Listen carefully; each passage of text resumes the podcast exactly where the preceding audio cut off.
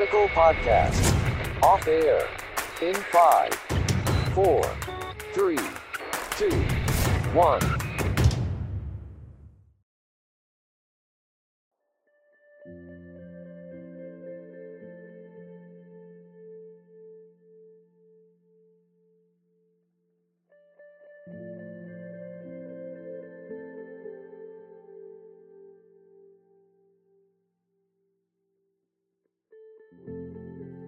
Halo, selamat malam.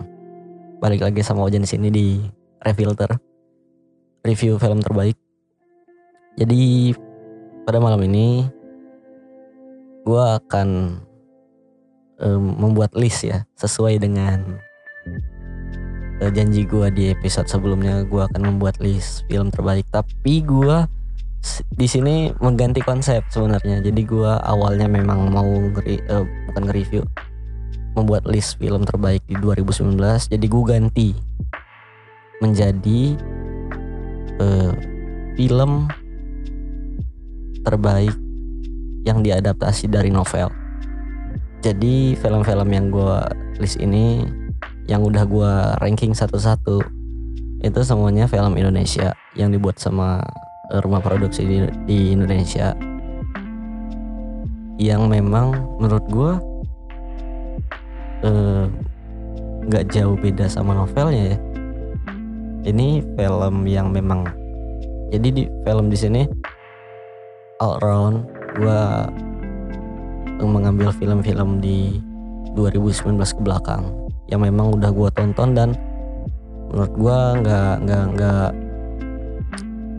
nggak perlu gue apa nggak perlu gue kaji gue baca-baca lagi bla bla bla bla bla.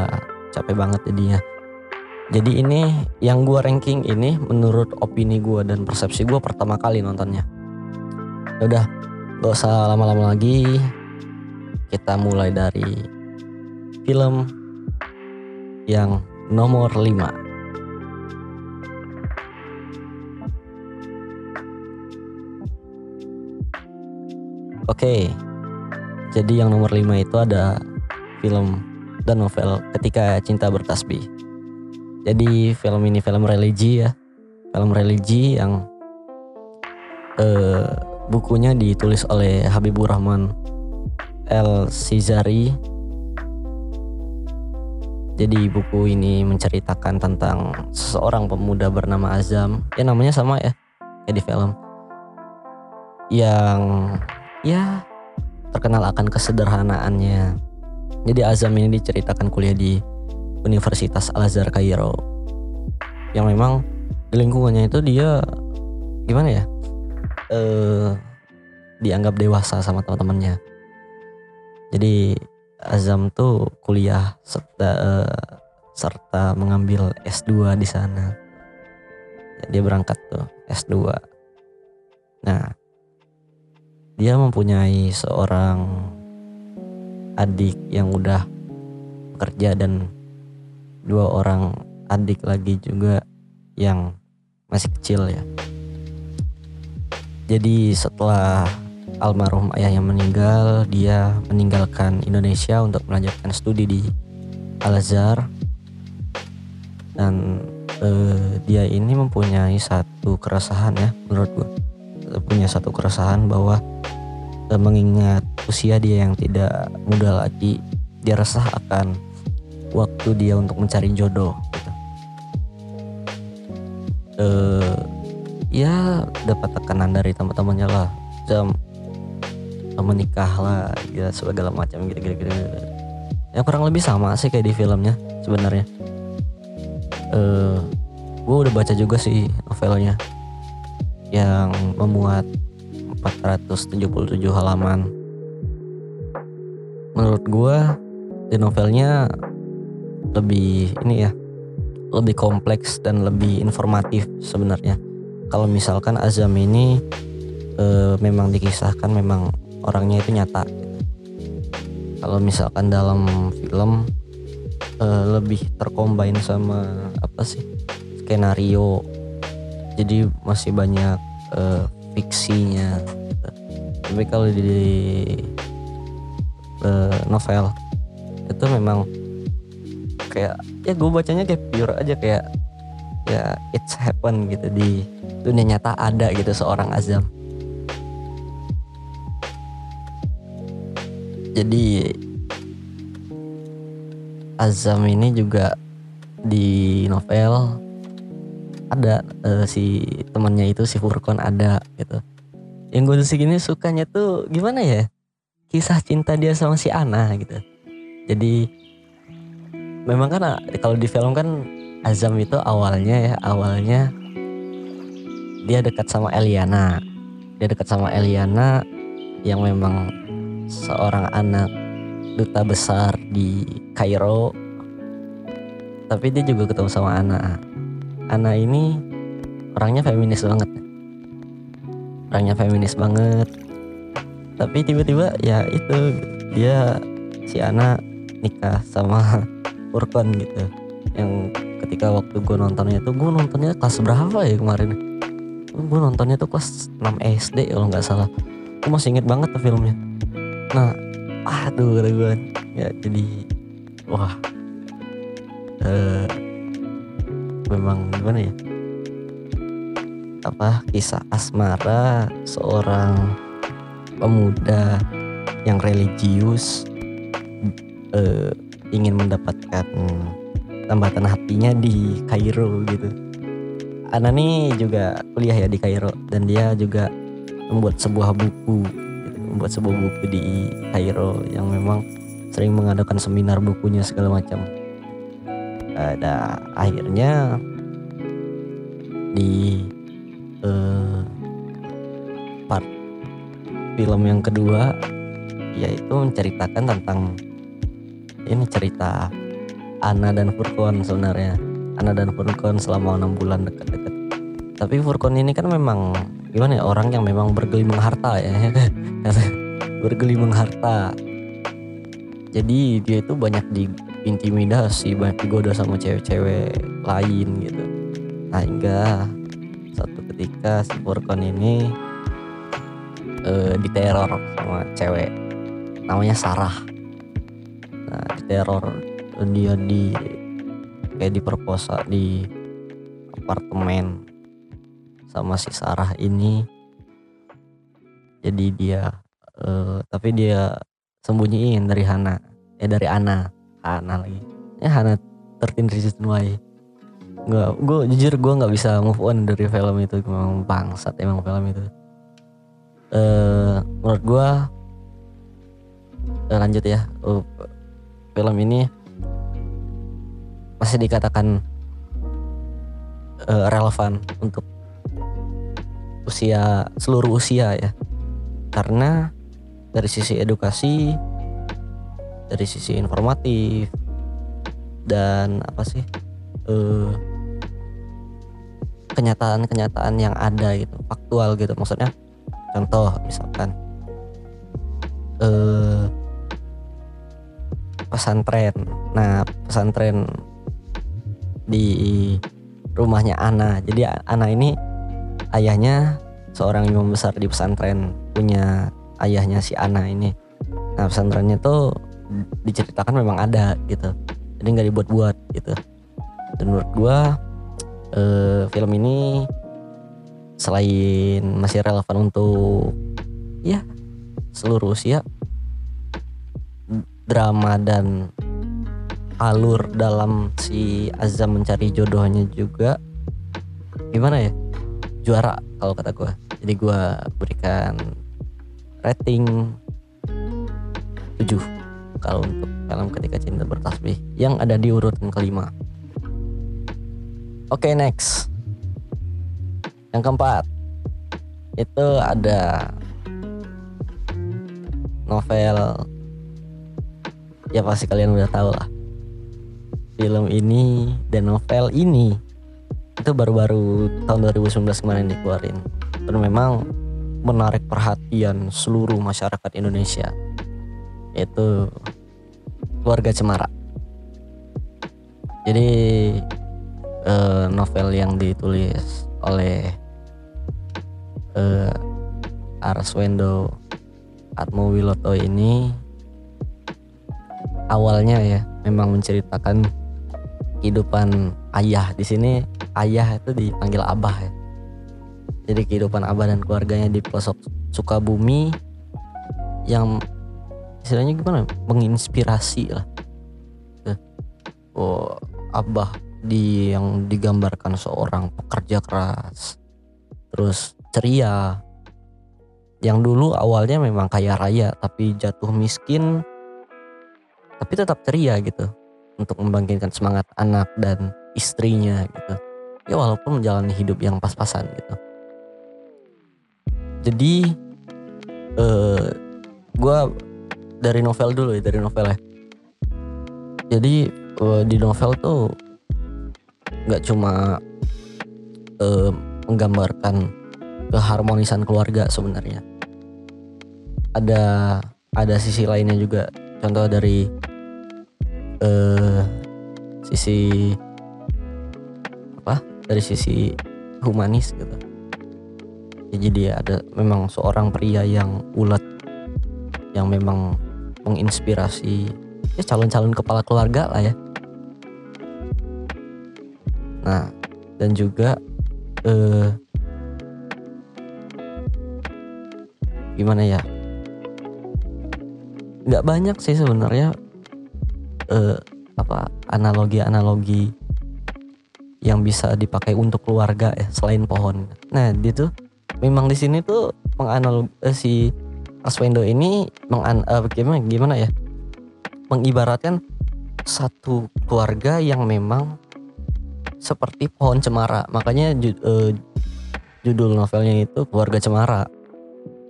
Jadi memang kan kalau eh, pohon cemara itu memang pohon yang istilahnya ringan, tipis.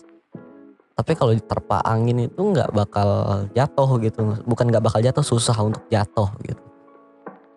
Nah, selain itu eh, buku yang pertama kali terbit pada tahun 1980 ini eh gimana ya? Menceritakan juga di eh, sisi lain seorang ibunya gitu. Ibu yang membesarkan dan merawat anak-anaknya namun pada saat mereka dewasa tak jarang ada yang diambil oleh orang tua kandungnya atau diambil sebagai istri orang gitu. Jadi eh, dalam kata lain di sini isi dari novel ini berbeda ya sama filmnya gitu. Walaupun gimana ya walaupun film ini tergolong eh, seluruh usia gitu. Tapi kalau misalkan dari sisi apa ya dari sisi pembuatannya juga menurut gua ini langka gitu. Maksudnya kan banyak film-film yang eh gimana ya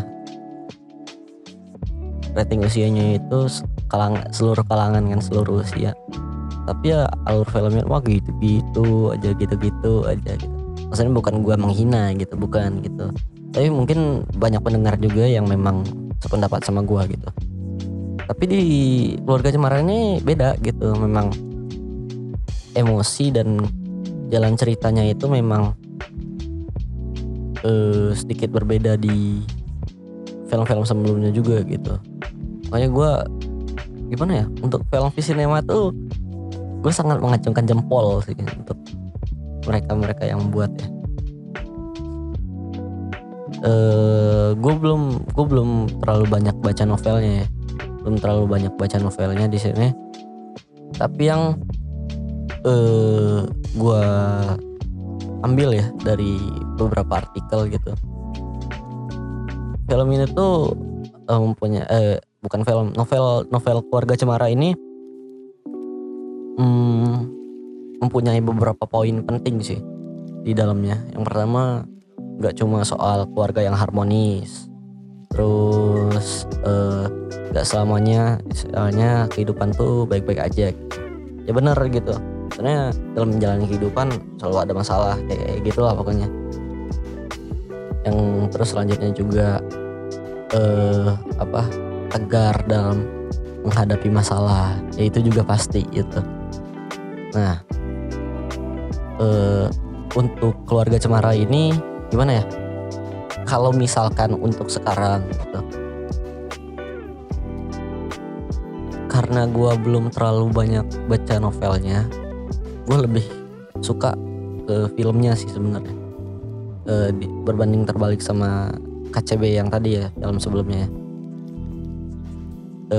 kalau di filmnya itu ya memang gimana ya kelihatannya memang lebih modern aja gitu. Kelihatan lebih modern dan treatment treatment dalam skenario nya juga ya istilahnya gak bocor-bocor banget. Gak, gak bocor dan gak boring lah katakan kayak gitu. Ya bukan karena visi namanya ya kalau memang otak kalau memang otak visi nama udah nggak jangan-jangan diragukan lagi lah gitu eh dan juga kita juga perlu mengambil makna dari seorang Eisnya juga di sini yang memang ini ya eh, di filmnya itu cewek gue ya anjing. Eh, si Zara JKT48 yang memerankan sebagai Eis di sini.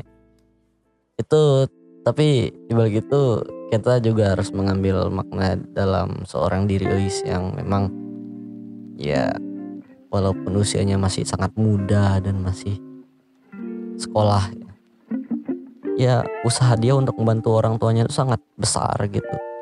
Gigi segala macam. Walaupun dia dikekang terus jangan gini jangan gini jangan gini jangan gini gitu. Dan si Uisnya juga menerima gitu. Ketika uh, dulu si Uisnya itu sekolah di sekolah yang memang bergengsi bertaraf internasional dan akhirnya dia hanya bisa sekolah negeri di satu kota di Bogor. Tapi dia tetap, tetap terima gitu. Nggak ada yang nggak eh, nggak ada yang harus dipermasalahkan dalam hal itu gitu.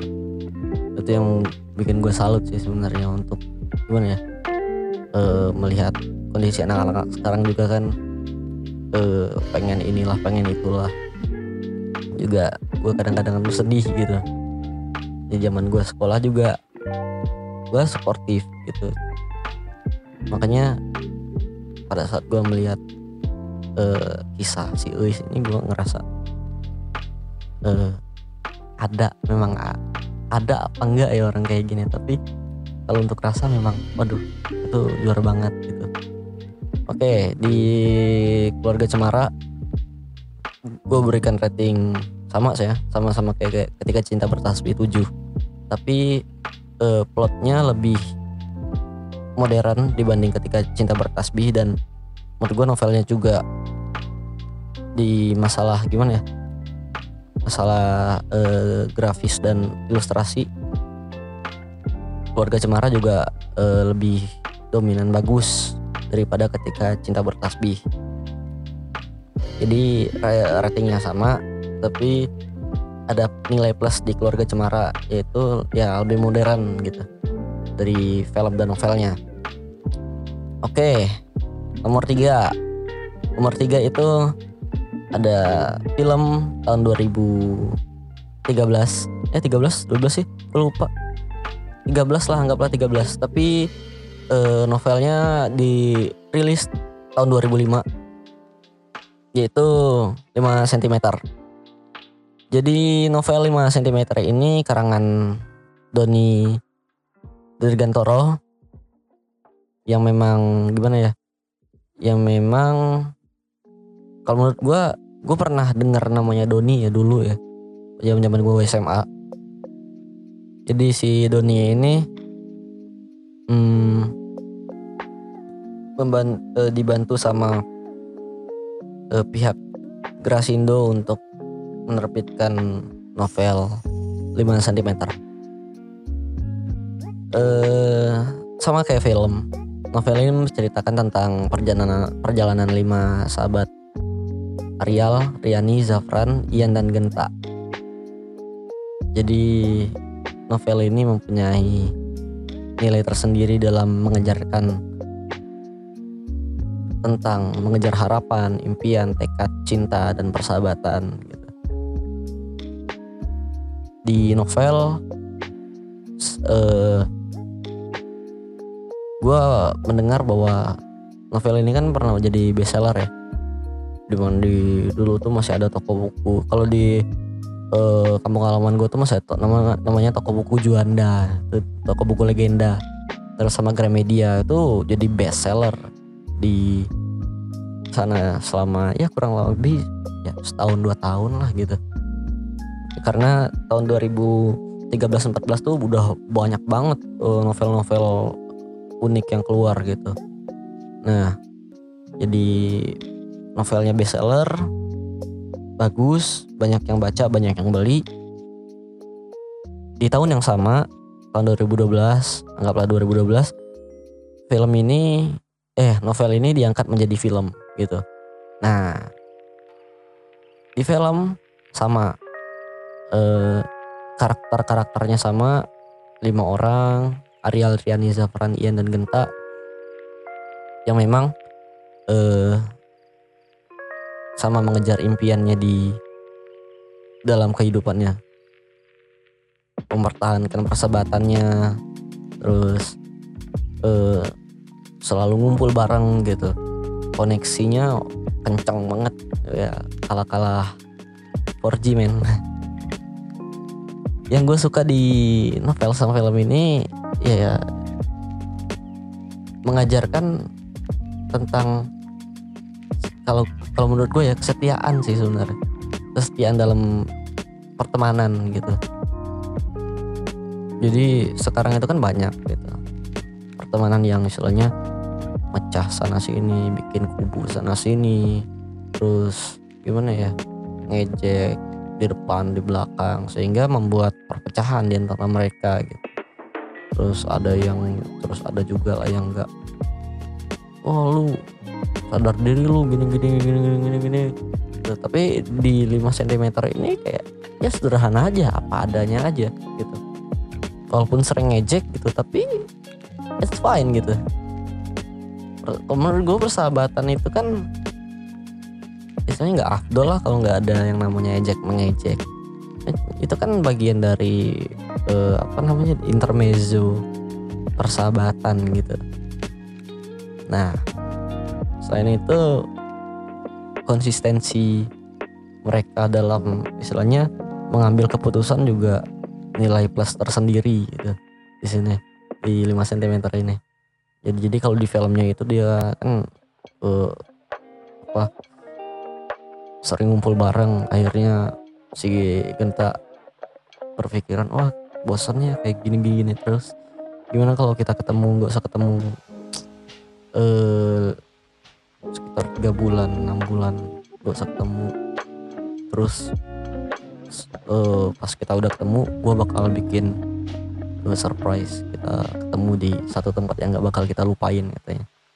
Nah tempatnya itu di Malang. Anjing keren. Gue gue gue suka banget waktu dia naik gunung bareng di ke gunung Semeru itu. Dia naik puncak bareng-bareng. Ya walaupun gimana ya banyak rintangannya ya. Apalagi si Ian yang diperanin sama si Igor Sekoji itu ah, gendut.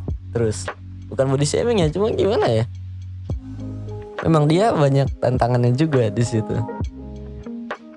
Naik gunung harus jogging dulu sebelumnya. Oh, terus tahan-tahan. Oh, kayaknya mengurangi porsi Indomie lah ya. Jadi dia wah kerja keras rock harder. Sampai dia juga ngejar ini ya dia ngejar eh, kelulusannya dulu gitu. Sidang dia harus dia selesaiin dulu. Bukan sidang sih kayak ya skripsiannya dia lah gitu. Jadi kalau di film tuh kan cuma si Ian doang yang belum lulus gitu. Semuanya udah gitu udah kerja semuanya. Si Iannya belum gitu. Karena kebiasaan dia yang sering nonton bokep lah main game makan indomie segala macam jadi dia nggak lulus lulus dari UI nah eh kalau 5 cm ini menurut gua kenapa gua taruh di urutan ketiga ya? Sesuai dengan urutannya ya. Menengah gitu. Romansnya nggak berlebihan dan eh dramanya juga nggak berlebihan gitu. Dan di sini juga ada cerita cintanya kan? Oh ya satu lagi. Ada spesial the best the best the best uh, aktris di sini. Itu cewek gue yang kedua itu Pevita Pierce anjay. Si Arinda. Si Arinda tuh di sini perannya sebagai adiknya si Arial di sini. Uh, di 5 cm memang seorang yang ini ya. Uh, kanak-kanakan banget ya itu sih nah jadi si Arinda ini juga diajak ke Gunung Semeru gitu. Sampai akhirnya ada sebuah cinta segitiga cinta segitiga antara Zafran Riani sama Arinda jadi mereka dilema ya. Dan memang gimana ya? Setelah itu nggak ketebak gitu. Sebelumnya nggak ketebak sama gua. Tapi di seperempat ending baru ketebak. Oh dia si ini sama siapa si ini sama siapa si ini sama siapa gitu. Jadi itu yang gue katakan nggak lebay dan juga nggak terlalu romansnya nggak terlalu lebay dan dramanya juga nggak terlalu lebay. Ya sesuai inilah sesuai dengan urutan lah ya urutan ketiga ya. Eh 5 cm gue kasih rating 8 dari 10 ya. Oke, okay, next. Di film dan novel kedua itu ada novelnya Dewi Lestari yaitu Perahu Kertas yang difilmkan pada tahun 2000 berapa? Gue lupa lagi itu. Perahu Kertas tuh 2012 sama 13. Nah, kalau Perahu Kertas ini itu memang gue kan punya kakak ya nah dia punya novelnya gue baca waktu itu gue baca waktu itu kurang lebih sama gitu filmnya sama novelnya namanya juga sama Kugi. Jadi Kugi ini uh, seorang cewek yang ya kayak penghayal melankolis lah bisa dikatakan melan melankolis. Nah si Kugi ini memang cewek yang melankolis terus uh, penghayal dan gimana ya uh, stylenya juga berantakan ya. Di di di di di mana sih? Di di kehidupannya dia tuh selalu berhayal kalau kehidupan dia tuh layaknya sebuah perahu yang uh, berlayar di sebuah lautan besar yang gak ada satupun orang gitu. Nah di sini Eh, penekanannya lebih ke asmara sih sebenarnya romansnya di romansnya itu dia ketemu sama seorang yang bernama Kinan yang diperankan sama uh, Adipati Dolken ya si Chan di Cell Gelo. Jadi si Kinan ini diceritakan juga sama seperti Kugi tapi dia lebih dingin gitu. Seorang cowok yang mempunyai masalah keluarga pengekangan segala macam. Dia ketemu sama Kugi dan dia jatuh cinta secara tidak langsung maksudnya nggak nggak langsungnya dia nggak mengungkapkan di sini. Nah eh Kugi ini juga seorang yang artistik. Sama seperti Kinan. Artistiknya si Kogi di literasi, si Kinan itu di seni memahat dan melukis ya. Nah, eh, di film pertama masih sama ya. Scriptwriternya juga Dewi Lestari, seorang penulis novelnya juga. Eh, nggak eh, terlalu banyak yang memang dikeluarkan di film itu, maksudnya eh, ah alur cintanya nggak terlalu dikeluarin banyak untuk mencapai final gitu. Nah dilanjut ke perahu kertas kedua. Nah di perahu kertas kedua tuh memang sana semuanya udah ketahuan gitu. Jadi si Kugi kan e, di kertas satu ada cowok namanya Remy, e, bos kantoran eks, eksekutif muda yang memang jatuh cinta banget sama Kugi dan pengen masuk ke gengnya Kugi yang bernama apa sih? Neptunus Neptunusan. Jadi si Kugi eh, kayak nggak memperbolehkan sih sebenarnya. Nggak memperbolehkan dia masuk karena bintang dia bukan Aquarius. Ah gitu. Tapi Remy di sini tetap cinta sama Kugi gue lebih gue gue sukanya di perahu kertas dua sih. Di perahu kertas dua itu eh gimana ya? Lebih kompleks kalau menurut gue lebih kompleks. Dan kayak mengcompare cerita cintanya Kugi sama eh, Remy dan Kinan sama si ini Lude. Jadi Kinan itu punya cewek juga yang bernama Lude yang berasal dari Bali. Nah sama gitu. Tapi di sini dunia dua dunia banget. Satu yang memang modern satu yang tradisional etnis gitu lah. Terus y- eh, di seperempat endingnya balik lagi gitu kuatan dari film-film komersil itu seperempat endingnya baru dikasih kejutan. Nah, Kugi. Kugi diputusin sama Remy dan Kinan diputusin sama Lude dengan alasan ya ya, ya begitulah. Eh, apa treatment film yang memang eh Remy itu ada di scene perahu kertas 2 si Kugi diberi eh Remy diberi buku sama Kugi. Tapi nggak sengaja ada surat isinya surat buat si Kinan nah dibaca sama Remy nah sakit hatinya tuh kayak kayak gitu banget padahal kalau aslinya kan ya udah ya udah udah, udah dapat penjelasan kan nggak perlu nggak perlu gimana ya nggak perlu em apa mewek lagi lah gitu bahasanya ya udah gitu akhirnya diputusin gitu. Nah sama kayak si eh, Lude ketika mutusin si Kinan gitu. Lude balikin barang yang dikasih Kinan. Jadi Kinan tuh sebelumnya ada ngasih pahatan kayu tulisannya kakak kakak itu kan kebanyakan Kinan gitu tapi Lude nggak tahu. Pada saat eh, sebelum si Lude itu ketemu sama Kugi nah jadi Kugi itu pernah pernah juga eh, liburan ke Bali ketemu sama Lude nggak sengaja. Gitu. Nah terus kata si Lude "Eh, aku bisa aku bisa bikin cerita nulis gitu. Tapi nggak terlalu bisa cuma hobi aja. Ya udah Ugi kasih alamatnya. Nah di alamatnya itu ada tulisan kak yang mirip banget dengan pahatan yang dibikin sama Kinan gitu. Nah akhirnya Lude itu menyangkal gitu tapi Lude di sini tuh udah mendapat klarifikasi sebelumnya gitu.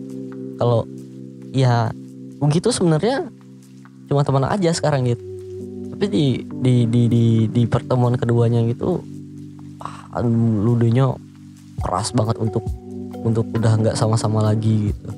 Tapi di sini terlihat ya eh, kekuatan dari seorang wanita etnis. Ya di sini eh, si Lude yang berasal dari Bali ya yang di scene tuh kayak ketika si Lude pengen putus dia tuh kayak nggak mau nangis gitu. Dia nahan air matanya untuk biar dia tetap tegar gitu. Nah di perahu kertas kenapa gua taruh di nomor kedua? Gue simpan di nomor kedua karena perahu kertas ini gue nonton satu sama dua ya. Eh dia itu kalau misalkan kalau gua ambil dari masalah drama dan romance dia itu kumpulan dari urutan 5 sampai ke 3 semuanya ada yang positifnya yang plusnya ada gitu. Dari segi novel juga sama. Gua juga pernah baca novelnya eh, sekitar 440-an halaman. Jadi Dewi Lestari di sana eh, di novelnya itu bahasanya ini bahasanya kayak mudah banget diserap gitu. Enak banget ya ya ya remaja banget. Ba- ba- bahasa yang ditulis sama si Dewi Lestari gitu. Jadi eh, gimana ya selain selain eh, romance dan drama yang memang beda dan udah pasti sangat lebih modern udah pasti sangat muda unik dan lebih nah, remaja. Film dan novel ini juga easy gitu buat dimengerti gitu. Jadi nggak nggak nggak nggak nggak sulit juga untuk mikir-mikir ini apa ini apa ini apa gitu. Dan juga nggak banyak konotasi nantinya. Jadi menurut gua perahu kertas gua kasih rating 8,5 dari 10 oke nah inilah. Film adaptasi novel terbaik yang ada di Indonesia yang udah pernah gue tonton ya. Jatuh nomor satu itu jatuh ke apa coba? Ada penasaran. Film dan novel tenggelamnya kapal Van der Wijk. Jadi gimana ya memang Van ini yang sampai sekarang selalu buat gue cenat cenut terhadap kisah cintanya, terhadap perjuangan seorang pria gitu dan seorang wanita tegar gitu. Ah, kata gue sampai sekarang gitu. Ditambah lagi soundtracknya, wah, kata gue udah udah udah, udah ini ya. Terlebih gini ya, gue sangat mudah ya untuk untuk mengikuti cerita cerita dari ini ya film dan novel ya. Karena makai bahasa yang masih bisa gue ngerti Melayu ya kan? Jadi uh, Van sangat sangat sangat terbaik menurut gue novelnya ditulis sama Hamka di tahun 1938 jadi wah itu berarti udah masih masih masih dalam masa penjajahan ya berarti ya? Gue aja belum lahir coy. E, dengan halaman sebanyak 224 sudah dicetak selama 22 kali. Berarti 22 versi berarti. Eh gue pernah baca novel Van der Wijk itu dicetakan ke berapa ya? Cetakan ke 10 kalau nggak salah. Ada di perpustakaan waktu gue SMA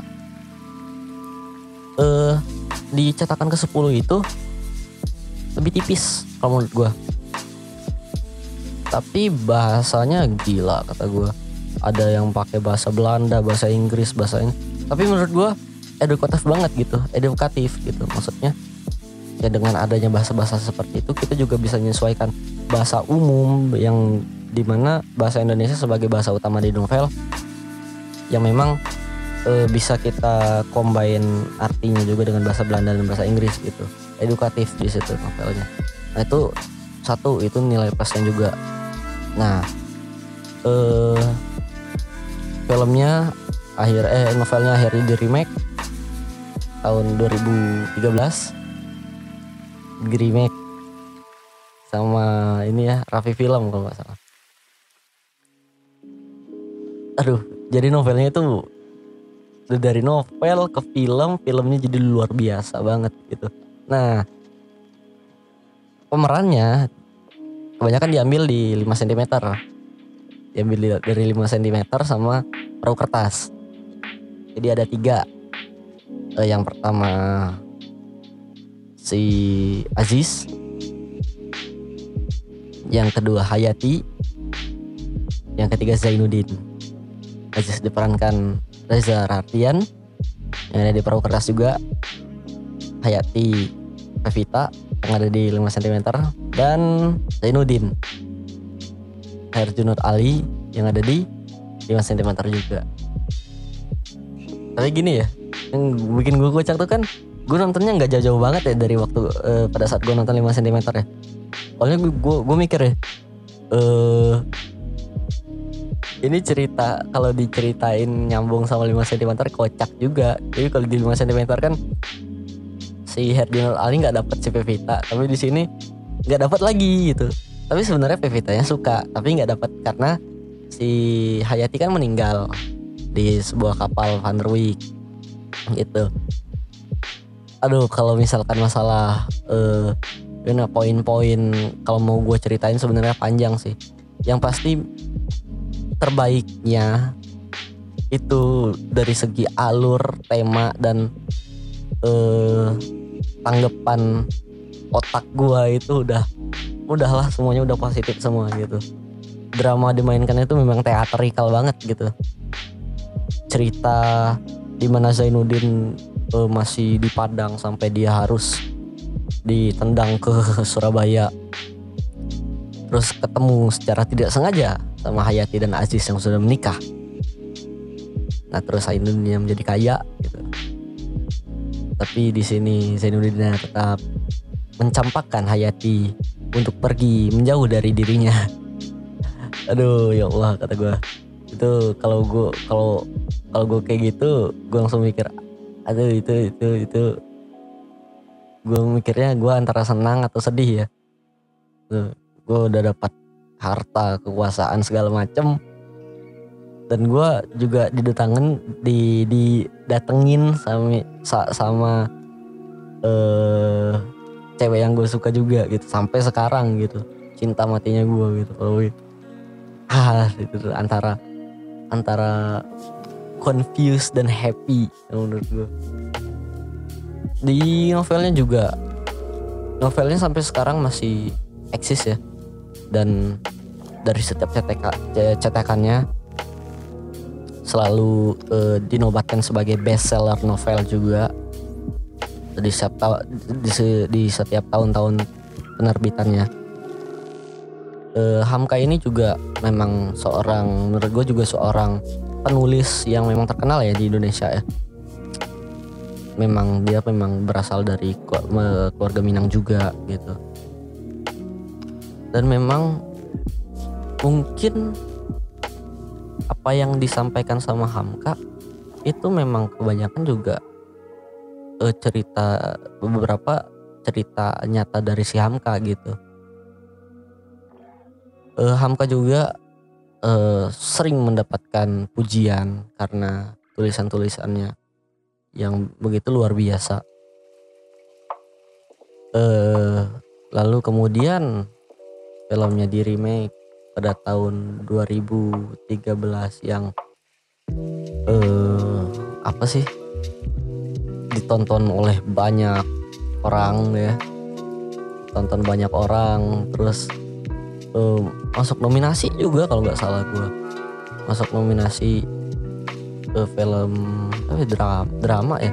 Nah jadi kalau filmnya ini dia itu di ini filmnya di remake. Jadi awalnya itu filmnya cuma 90 menit di remake jadi 2 jam lebih. Gila kata gue di remake tuh 2015 di remake lagi kata gue itu filmnya lebih panjang cuma gue nggak tahu ya extendednya itu ada ada extras scene yang gimana gitu soalnya gue belum nonton yang ini eh gue belum nonton yang extendednya. Nggak ada di nggak ada di internet susah. Nyarinya susah banget. Jadi film garapan Sunil Soraya ini cukup berhasil ya membuat semua orang tercengang akan skenario dan hmm, apa sih dialog-dialog yang ada di filmnya juga novelnya. Jadi kenapa gue simpen ini dan menjadikan juara sampai sekarang? Untuk film adaptasi novel terbaik. Itu alasannya. Udah nggak bisa diungkapin dengan kata-kata lagi lah soalnya. Udah udah udah udah the best banget menurut gua. Oke okay. uh, eh, itulah lima film adaptasi yang menurut gua kalau film kayak gini ini mungkin juga sepanjang masa ya terbaik dalam versi gua. Film adaptasi terbaik sepanjang masa di Indonesia. Gue berharap film-film seperti ini itu semakin banyak ya dari tahun ke tahun gitu. E, mungkin karena gimana ya gue pencinta film dan gue pekerja film. Film-film seperti ini lebih dari high quality menurut gue dan juga istilahnya mereka juga bisa berkesinambungan dengan novel gitu ibaratnya gini loh novel sama film itu tuh kan dua media yang berbeda gitu uh, kita make indra yang ber, indra yang berbeda juga untuk mencermati ini ya arti dari eh, bacaan dan tontonan gitu. Kalau film kita menggunakan mata, kalau eh, novel kita sama sih gunain mata juga. Enggak lah canda Ojen semakin malam semakin garing ya. Ya pokoknya novel kalau menurut gue juga novel sama film itu kan uh, ada beberapa ada beberapa uh, owner sama pembuatnya kan berbeda juga prinsip dan idealismenya berbeda tapi lima film ini bisa di mereka combine dengan otak mereka yang memang istilahnya pemikirannya berbeda tapi di film dan novel dia bisa menyatukan ininya pemikirannya gitu. Sehingga persepsinya persepsi uh, apa audiens itu mengatakan bagus gitu. Jadi lima film ini easy buat ditonton easy buat di apa dicermati. Dan memang sudah banyak tersebar ya di internet ya. Ya terlepas dari e, pembajakan atau enggak ya itu gimana ya masing-masing lah untuk sekarang. E, gue memang bukan orang yang mendukung apa stop pembajakan gitu. Dan gue juga bukan orang yang mendukung eh, ayo membajak gitu ya karena gue di sini sebagai penonton kan kalau film ini ya gue juga mendapatkan sumber dari internet gue gak tahu gitu film ini diberikan hak cipta apa enggak dalam penayangan di internet gitu Oke mungkin segitu aja review dari gua.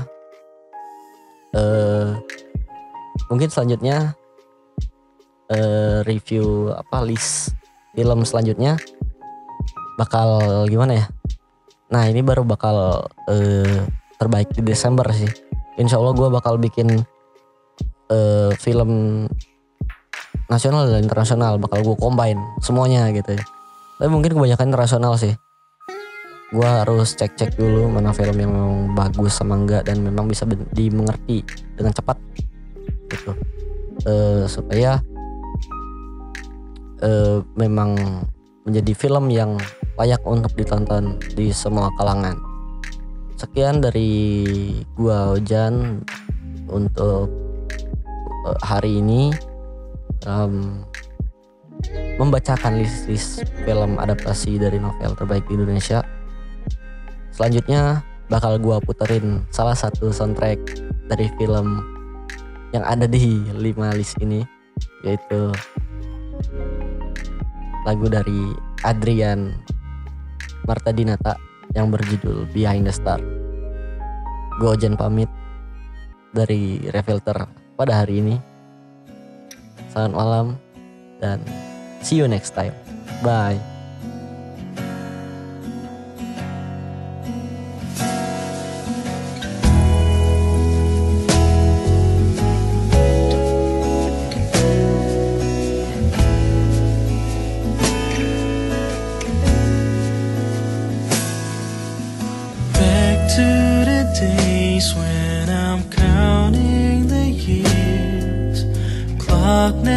seems to alive. And all I can do is believe what she said. Love never goes